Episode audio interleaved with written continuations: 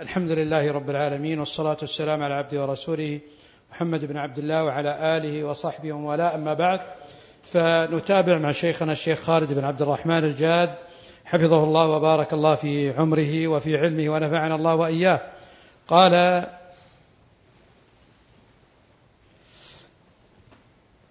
قال ابن حجر في بلوغ المرام في كتاب الحج وعن الصعب بن جثامة الليثي رضي الله عنه أنه أهدى لرسول الله صلى الله عليه وسلم حمارا وحشيا وهو بالأبواء أو بود بودان فرده عليه وقال إنا لم نرده عليك إلا أن حرم.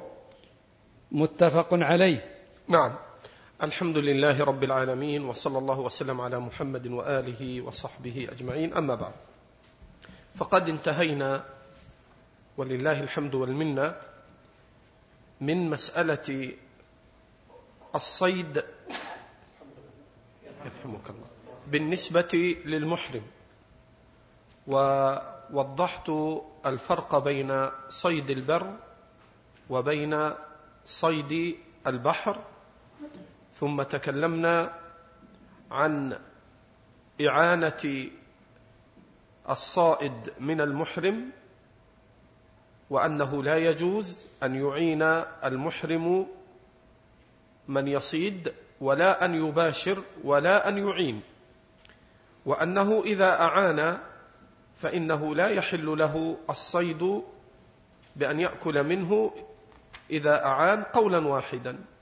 وإذا لم يعن وصيد لأجله ففيه خلاف وسبق بيان هذا وتكلمنا عن حديث الصعب ابن جثامة رضي الله عنه وبهذا نكون قد انتهينا من محظورات الإحرام المتعلقة بالعقد والنكاح والخطبة ومن محظورات الإحرام المتعلقة بالصيد.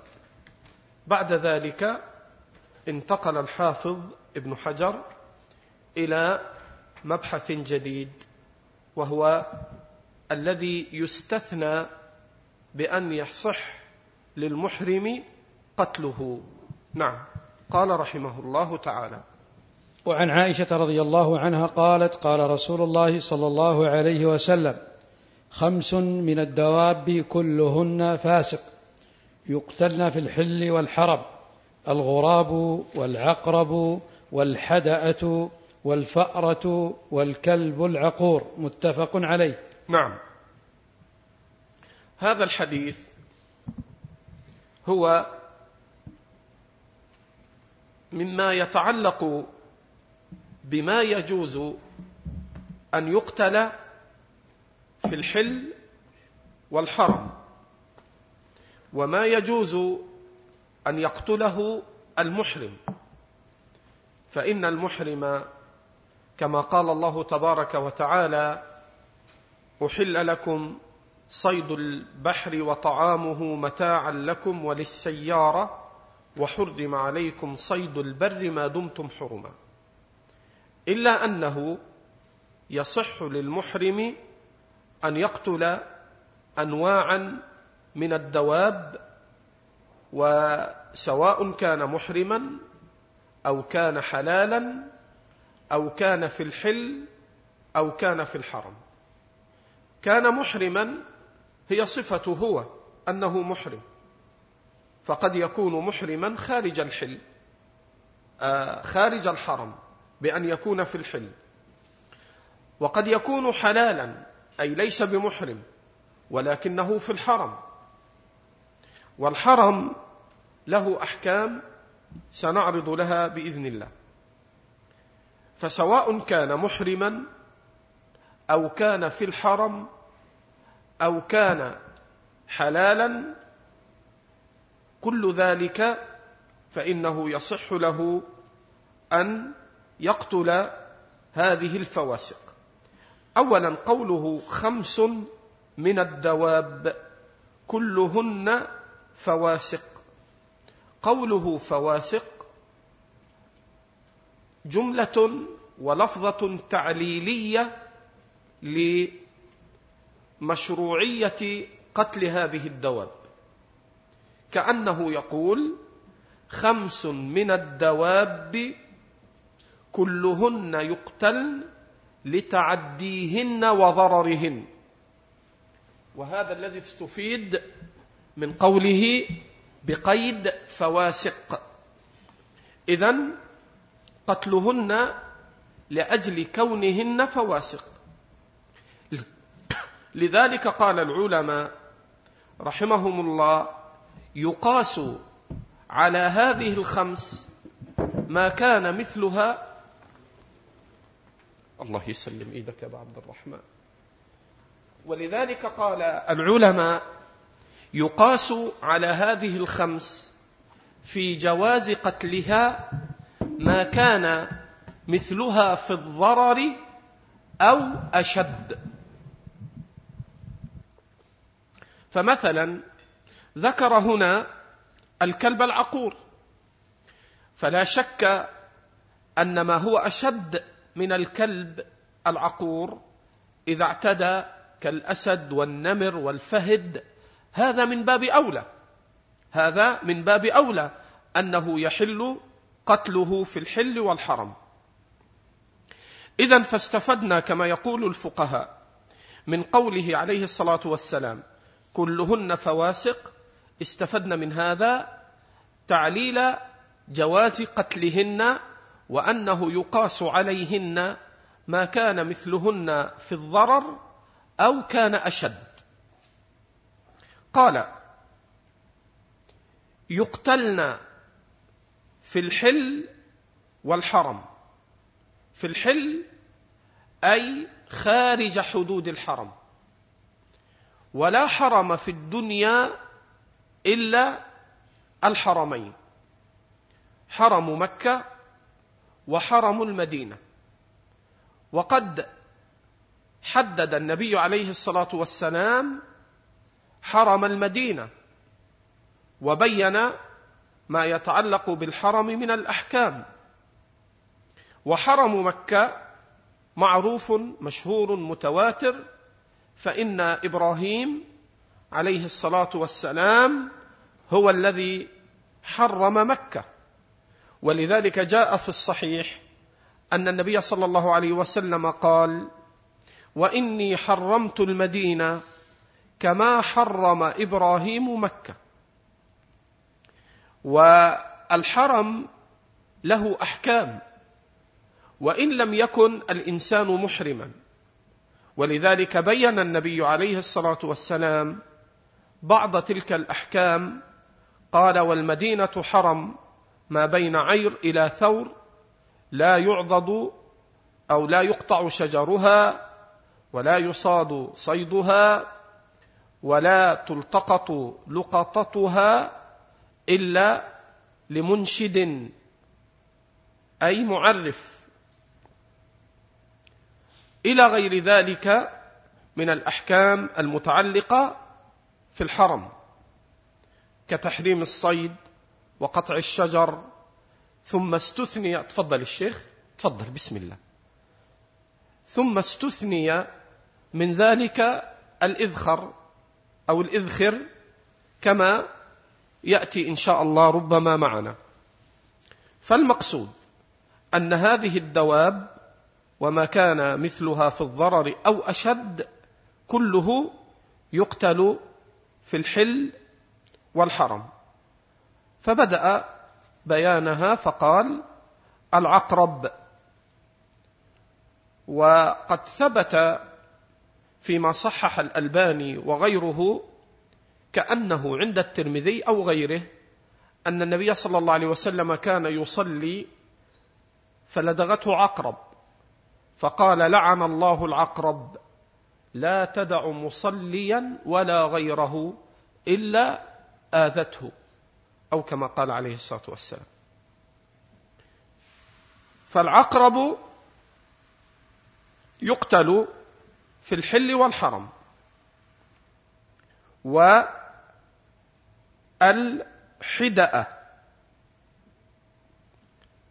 الحدأة أبو عبد الرحمن إيش تسموها هنا؟ عندكم؟ هي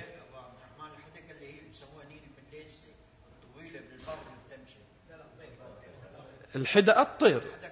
إيه إحنا عندنا نسميها الحداية. حداية. فالاسم هو هو. نعم. والحدأة والغراب. وجاء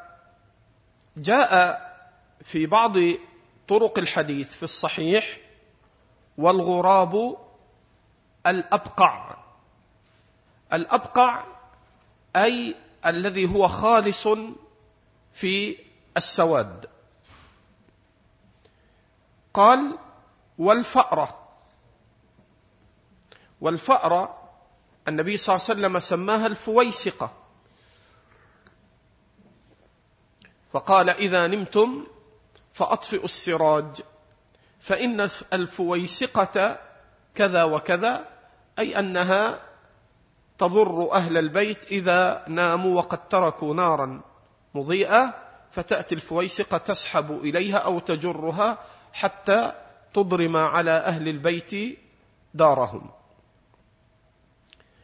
والكلب العقور.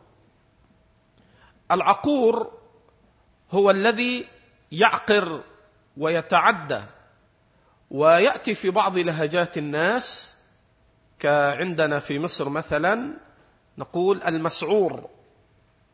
فالعقور من العقر والتعدي وهو الكلب الذي يتعدى على الناس بإيذائهم بإيذائه لهم بالعض ونحوه. فيخرج عن مألوف عادة الكلاب. فهذا هو الكلب العقور. وقوله صلى الله عليه وسلم العقور قيد. وقد قال العلماء أن الأصل في القيود اعتبارها كما تقرر في علم الأصول. ولا يجوز إلغاء القيد إلا بدليل.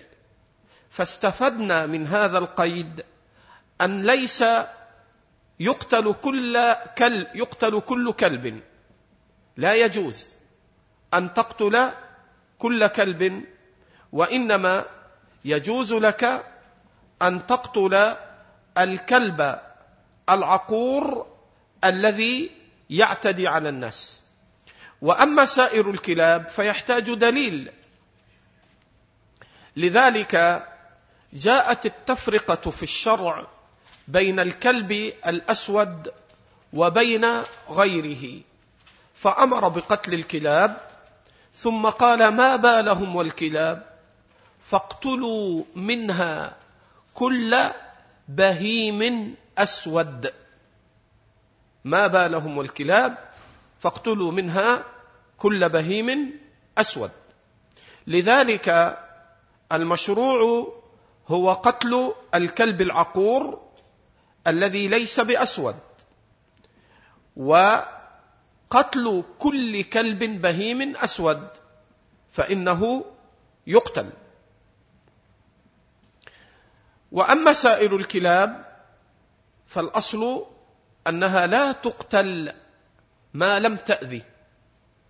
لذلك يتبين من هذا حين رخص بقتل أنواع من الدواب.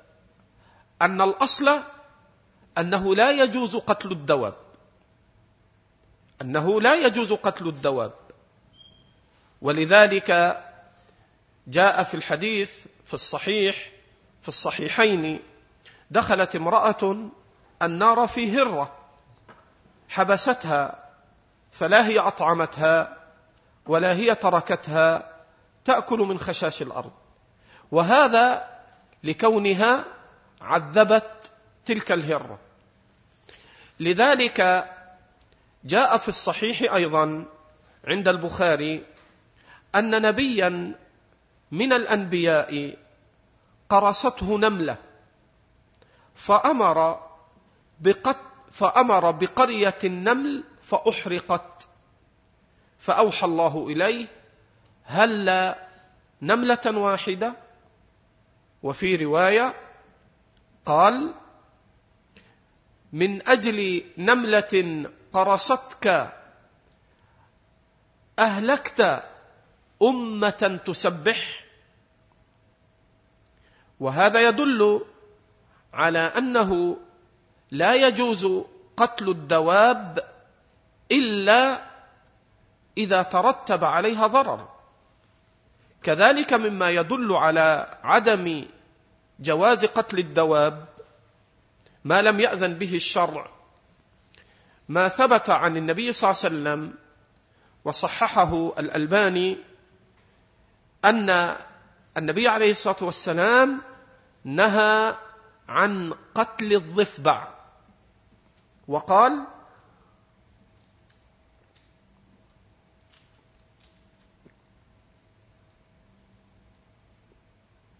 إن نقيقها تسبيح. وصححه الألباني وغيره. إن نقيقها تسبيح. فالعلة التي من أجلها نهي عن قتل الضفدع أن نقيقها ذكر وتسبيح لله. فدل ذلك على أن الدواب لا يجوز قتل شيء منها إلا عند الضرورة.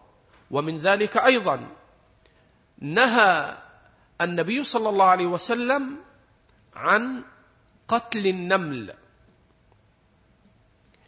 كذلك ما جاء في الصحيح عند مسلم وغيره أنه أمر إذا بدا لكم شيء من هذه الحيات في البيوت فاستأذنوه ثلاثا. فإن بدا لكم بعد ذلك فاقتلوه. فإنما هو شيطان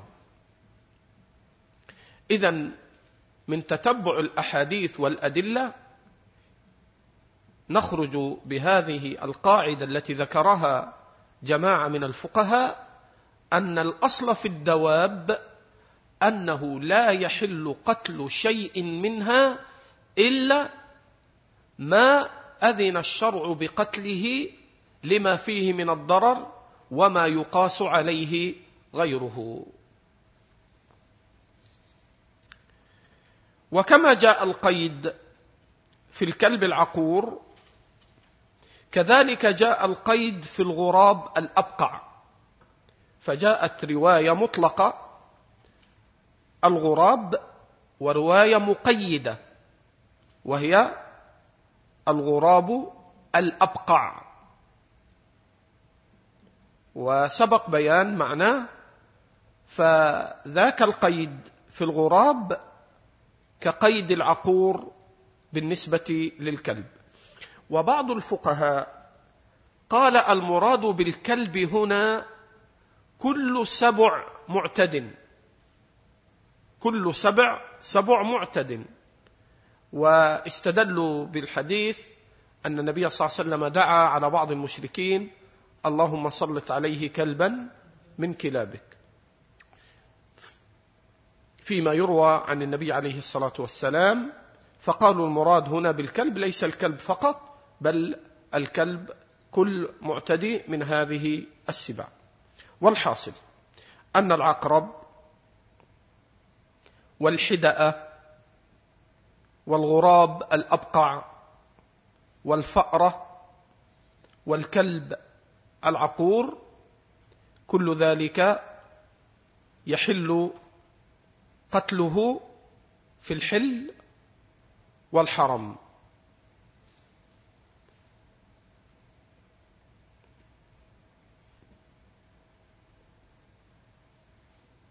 ويحل قتله أيضا للمحرم والحلال. نعم. تفضل.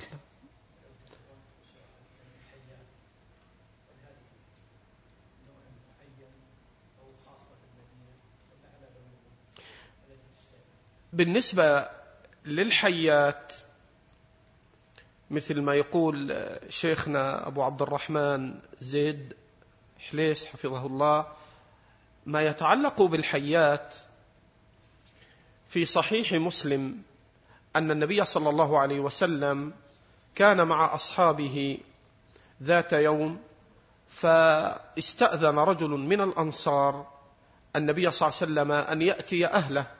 فأذن له. فقدم الأنصاري على أهل بيته ليلا فوجده فوجد امرأته قائمة على الباب خارج الدار فأخذته الغيرة والحمية فرفع السيف فقالت يا ابن عمي لا تعجل ادخل فانظر.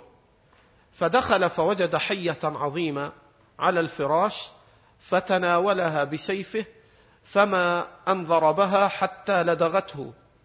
فماتا جميعا فلم يدرى أهي كانت أسرع موتا أم هو.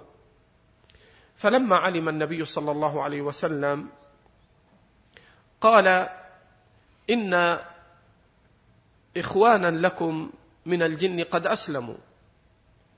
وأمر حينئذ قال فإذا بدا لكم من ذلك الشيء فاستأذنوه ثلاثا. فإن بدا لكم بعد ذلك فاقتلوه. لذلك قال العلماء بأن حيات البيوت سواء كانت في المدينة أو غير المدينة. وبعض العلماء قيد الإذن لحيات المدينة.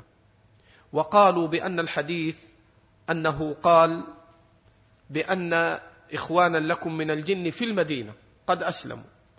لكن قد جاءت أحاديث مطلقة كما عند البخاري من حديث ابن عمر قالوا كنا مع ابن عمر في منى فوجدنا حية فابتدرها أصحابه إلى أن ذكر أن النبي صلى الله عليه وسلم إنما أمر باستئذان أو بأن تؤذن حيات البيوت. وأما ما عداها فتقتل. لذلك الصحيح عند أهل العلم أنه لا فرق بين حيات المدينة أو غيرهن فحيات البيوت تستأذن خشية أن يكون هذا من الجن من الجن المسلمين. وقد صحح الإمام الألباني في المشكات وغيرها من كتبه الحديث الوارد في هذا وهو أن النبي صلى الله عليه وسلم قال الجن ثلاثة أصناف فصنف حيات وكلاب وصنف يطيرون في الهواء وصنف يحلون ويضعنون. وصححه الألباني وغيره رحمة الله عليه. يحلون ويضعنون. أي الضعن أي السفر يحلون يقيمون. ويضعنون يوم ضعنكم ويوم إقامتكم. وهذا يدل على أن الجن قد تتمثل بصورة حية أو بصورة كلب. فإذا كان كلبا أسود يقتل. وإذا كان كلبا ليس بعقور ولا أسود لا يقتل. وإذا كانت حية فإن كانت من حيات البيوت تستأذن ثلاثا. وإذا كانت خارج البيوت فإنها تقتل ولا تستأذن. هذا هو أصح ما قيل في الباب. والله أعلم. نعم. آه، قوله تستأذن ثلاثا هل يكرر عليها الاستئذان ثلاث مرات أو ثلاثة أيام؟ جاء في بعض الروايات الصحيحة أن المراد بالاستئذان الأيام. نعم. تفضل الشيخ. وعن ابن عباس رضي الله عنهما أن النبي صلى الله عليه وسلم احتجم وهو محرم متفق عليه. نعم.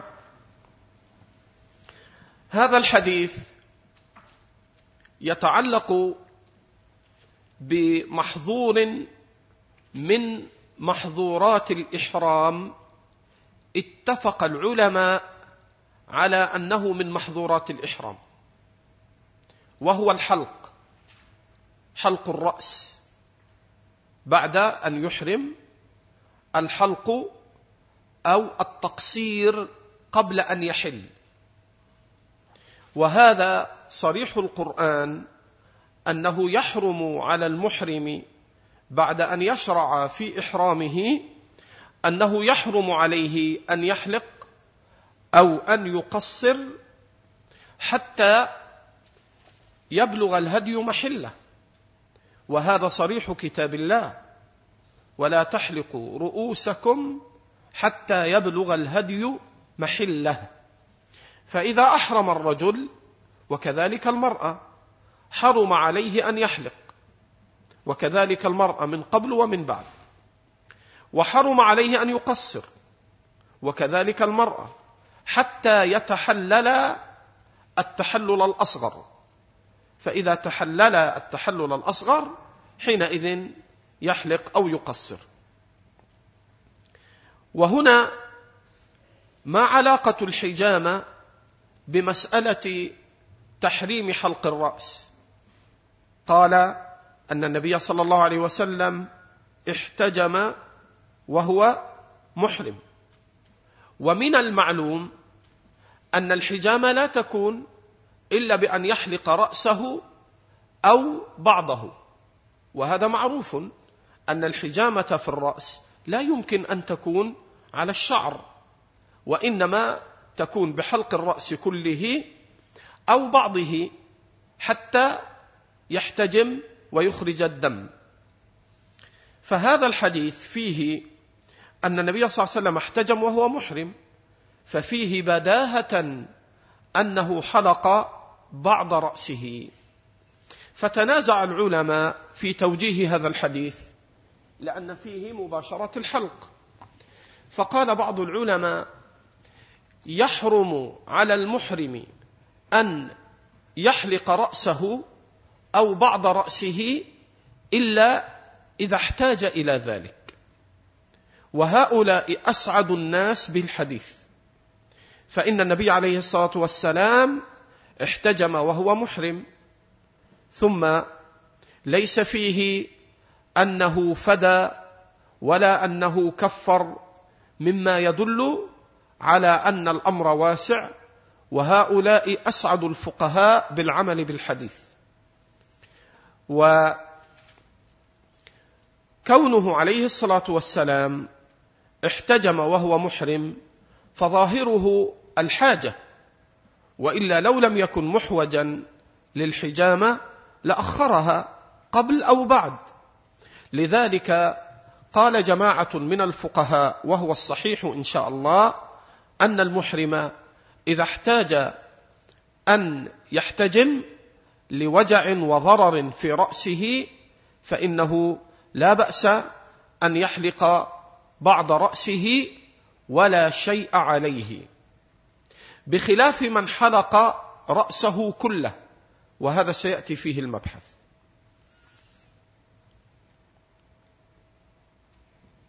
وقال بعض الفقهاء لا يجوز له أن يحتجم وهو محرم. فإن فعل فعليه الفدية. والصحيح أن لا فدية عليه لأن ظاهر الحديث يدل على ذلك. نعم. تفضل الشيخ نعم. ولعلي ما أدري لعلي ذكرت في ضمن الكلام أنه قد احتجم في رأسه وجاء في بعض الألفاظ في وسط رأسه في وسط رأسه. كأنه كأنه عند البخاري من حديث ابن عباس. كأنه عند البخاري من حديث ابن عباس. نعم.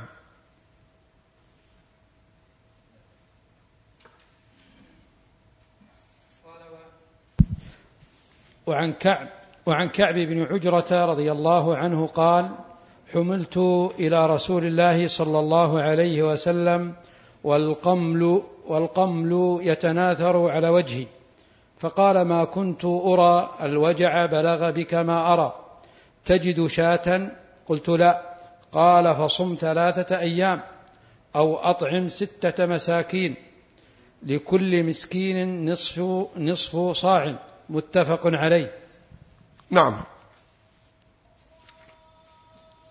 كيف؟ أذان؟ ما شاء الله. الوقت أصبح يبكر. أيوة. طيب إن شاء الله ندرك المغرب إن شاء الله ونقف عند حديث كعب بن عجرة رضي الله عنه.